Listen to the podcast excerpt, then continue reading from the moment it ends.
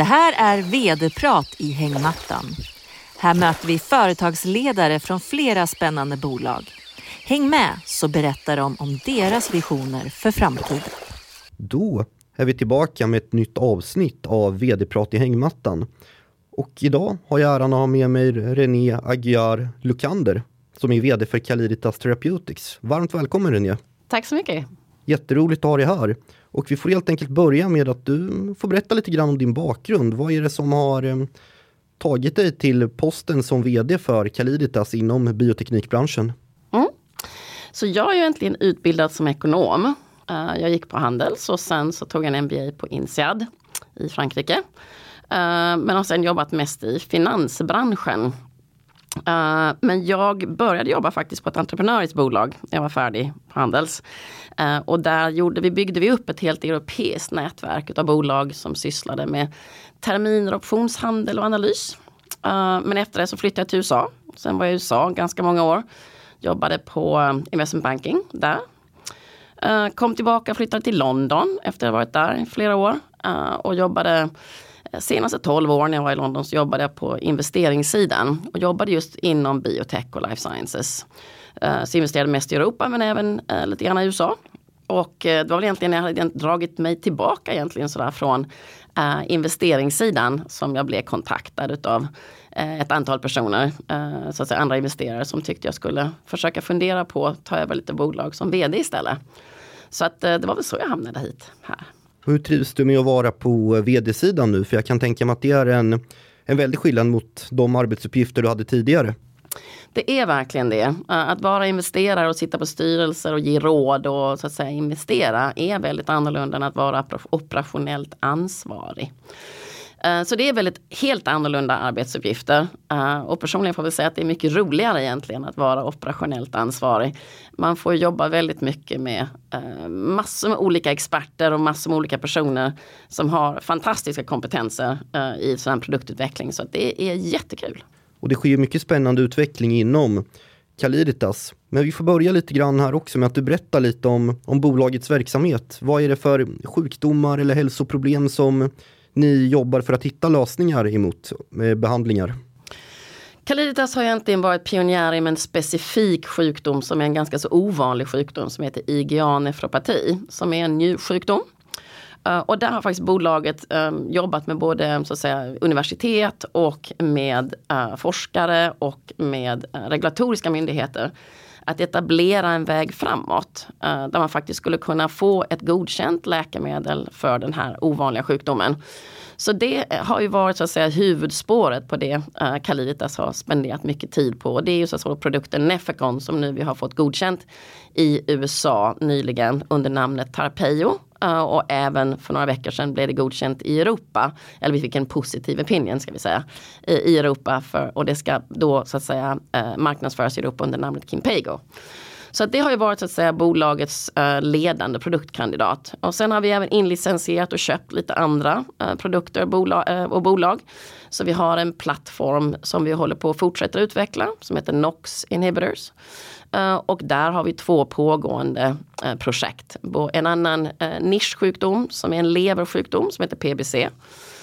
Och sen så gör vi även en studie inom, vi har en pågående studie på IPF som är en lungsjukdom. Och även då på en hals och nacke för cancer i hals och nacke. De här godkännandena, de skapar ju såklart helt nya möjligheter och förutsättningar. Om du berättar lite mer om vad de innebär för bolaget och dess framtid, att man har fått de här godkännandena. För du har ju även, vi har pratat tidigare René, då har du berättat för mig om att ni också har fått snabbspår. Precis, um, och det här är ju framförallt att de här är ovanliga sjukdomar där det idag inte finns någonting alls på marknaden som är godkänt. Så det är, ligger ju i allas intresse att verkligen försöka hitta en lösning för de här patienterna och få någonting till de här patienterna som kan hjälpa dem. För de här patienterna är ganska så unga när de får den här diagnosen. Eh, och även om det kan ta 10 eller 20 år eh, för den här sjukdomen att verkligen utveckla sig så att säga ta till sitt slut. Så är de kanske i 40-årsåldern när de måste gå på dialys eller få transplantation. Och det här är verkligen ingenting att liksom leva med dialys är ett fruktansvärt sätt att leva och de personerna dör också mycket, mycket tidigare.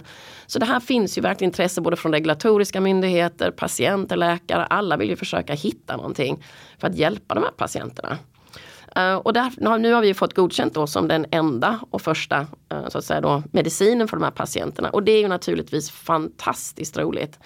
Uh, för ni kan ju tänka er att det är inte så roligt att sitta år efter år och få en massa e-mail från patienter och från patientgrupper som verkligen liksom inte har någonting att tro på, ingen, inget hopp om att det ska komma någonting som kan hjälpa dem. Så det är verkligen otroligt roligt att vi har lyckats få ut det här läkemedlet till patienter. Något som ni verkar göra då inom Caliditas också, det är att sprida riskerna på lite olika projekt. För det är ofrånkomligt att bioteknikbranschen, ehm, läkemedelsutvecklingsbranschen, den kan vara väldigt, väldigt binär om man framförallt bara har en studie igång, en produkt som man utvecklar. Så det känns som att ni, ni bygger en form av litet skydd, en form av styrka genom att ha flera projekt igång. Ja och dessutom nu när vi har fått godkänt så har vi ju för att vi kommer ju ha intäkter naturligtvis från de här produkterna. Så det gör ju oss till så att säga, betydligt mer oberoende av till exempel kapitalmarknaden. Eh, vi behöver inte gå in och ta in nytt kapital på kapitalmarknaden utan vi kommer ju att få så att säga, intäkter in i bolaget som vi kan leva på. Och använda de intäkterna till att då utveckla nya produkter. Och precis som du säger, biotech, det är otroligt komplex och oerhört svår bransch. Eh, för det finns så många steg i den här produktutvecklingen och saker och ting kan gå fel på väldigt många ställen. Ehm, och, och, därför så är det ju bra att ha någon slags diversifiering. Så att man inte bara satsar på en sak. Ehm, för det kan bli väldigt svårt och, och, och liksom från ett riskperspektiv oavsett om man liksom, hur mycket man än försöker jobba på att minimera riskerna så är det uh, svårt att kontrollera det. Caliditas har ju funnits ett antal år på, på börsen och jag är lite nyfiken här på att höra om vad, vad har du lärt dig under åren som börs-vd för, men för Caliditas? För det känns som att förutsättningarna förändras såklart när man kliver in i en noterad miljö efter att inte ha funnits på den typen av marknad tidigare.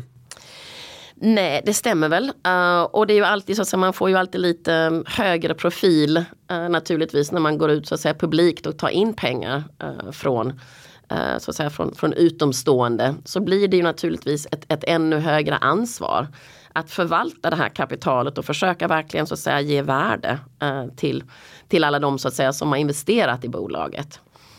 och det är också det här med att man måste ju kommunicera eh, ordentligt och man måste kommunicera eh, på rätt sätt tycker jag. Eh, det, jag vet att det är många som tycker att man ska ha väldigt många konversationer så att säga med individuella investerare och fonder etc. Men är man ett publikt bolag så bör man ju så att säga se till att alla har samma nivå utav information. Uh, och därför får man vara lite försiktig när man driver ett publikt bolag. Uh, man måste vara så att säga ordentligt uh, i, så att säga, insatt i hur man kommunicerar och vad man berättar. Och, och sen vill man ju försöka naturligtvis se till att det man lovar att man ska göra, det vill man ju leverera på.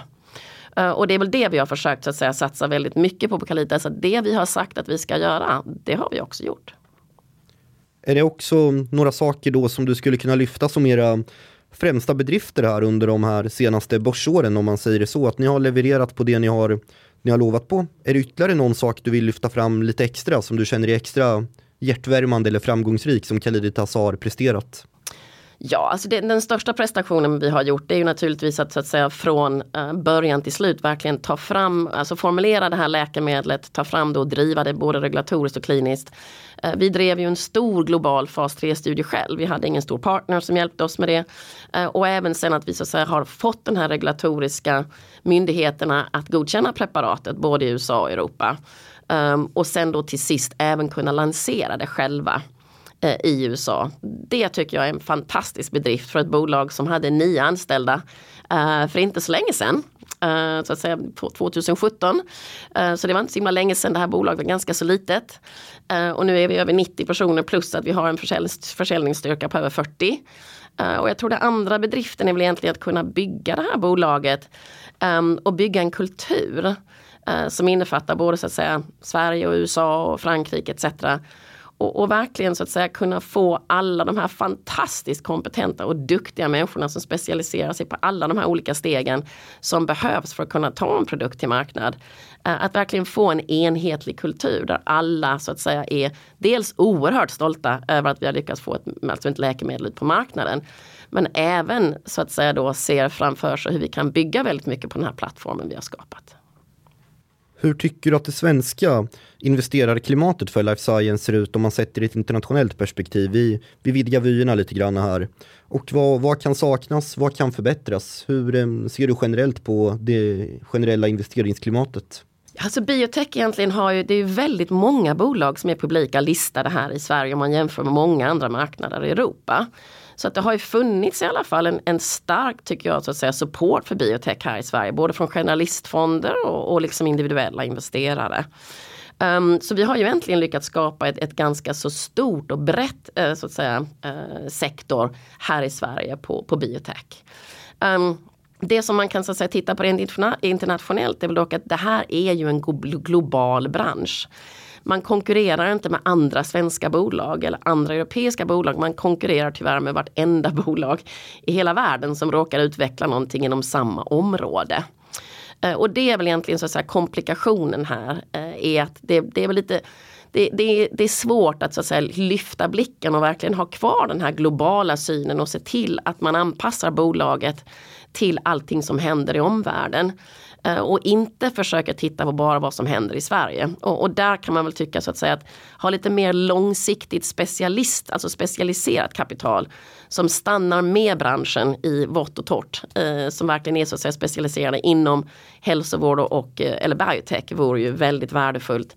Och även kanske också lite analytiker, eh, att analytikerna så att säga tittar på det mer på en global bransch istället för att nödvändigtvis titta bara inom Sverige. Men det är svårt, eh, de här sakerna. Det är svårt att, fixa till. Så jag tycker liksom generellt att Sverige har lyckats bra inom den här sektorn. Om man som intresserad investerare då i antingen Caliditas eller i branschen som stort, låt säga att jag är en privatinvesterare som är intresserad av den här sektorn, men jag kanske också inte har den största, största kunskapen. Vad är viktigt att jag vet om innan jag investerar? Det här är en väldigt riskfylld bransch. Den är oerhört komplex. Eh, det är oerhört svårt eh, att så att säga försöka hitta rätt projekt eller avgöra så att säga vad som liksom potentiellt kan liksom bli, uh, så klara sig genom alla de här olika studiefaserna etc. Så det jag skulle rekommendera som individuell är liksom att om man ska ge sig in i den här branschen då får man också säga, investera lite granna i ganska så många olika bolag kanske istället för att sätta alla pengarna på ett bolag. Uh, om man inte så att säga verkligen känner sig um, så att säga, väldigt familjär med den sortens vetenskap eller de molekylerna som finns. För det är jättesvårt. Så jag tycker diversifiering uh, är väl egentligen tanken om man ska som individuell person ge sig in här. Och sen är väl också då titta lite grann på hur sent de, alltså hur sena de här bolagen är.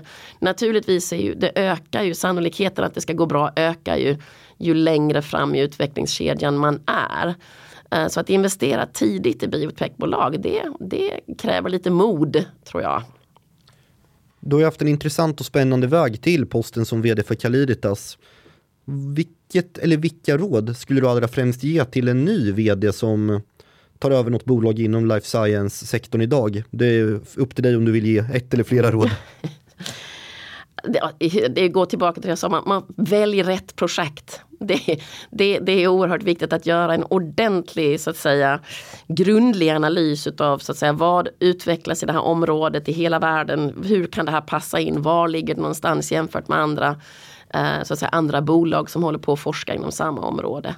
Eh, så att välja rätt projekt är ganska viktigt. Sen är det också så att säga att försöka, om man nu har den här möjligheten att välja rätt partner som investerare Ehm, det här kräver långsiktigt kapital. Det är en kapitalintensiv bransch. Um, så att ha bra investerare, långsiktiga investerare som är villiga att stötta bolaget långsiktigt. Um, det är ju också väldigt viktigt uh, eftersom den är kapitalintensiv hur man än vrider och vänder på det. men annars är det egentligen bara liksom anställ de absolut bästa människorna man kan ha råd, ha råd med. Uh, och var modig. Eh, menar, ha en strategi som man verkligen tror på och verkligen är villig att genomföra och ta konsekvenserna av. Eh, för det här är en bransch där man måste vara lite modig, man måste tro på, på det. Men man måste däremot också liksom hålla ögonen öppna och titta på omvärlden och inte bli förblindad av sin egen liksom molekyl eller vetenskap. Man måste också liksom hålla sig och jour och kunna anpassa sig till det som, liksom det som händer omkring en det finns ju onekligen en stor marknadspotential för, för Caliditas och produkterna som ni utvecklar. Jag skulle tycka det vore intressant att få höra lite mer om hur du ser på den och Kanske även om vad du hoppas att bolaget kan befinna sig om en, låt säga 4-5 år när vi sitter här igen och diskuterar.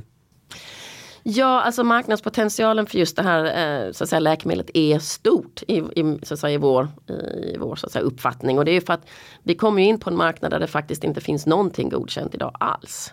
Eh, och att kunna vara alldeles själv på en marknad eh, ett tag eh, är väldigt värdefullt. Och det, är också, det ger oss också möjligheten att verkligen utbilda läkarna och kunna prata med dem utan att det är en massa andra noises så att säga, som pågår.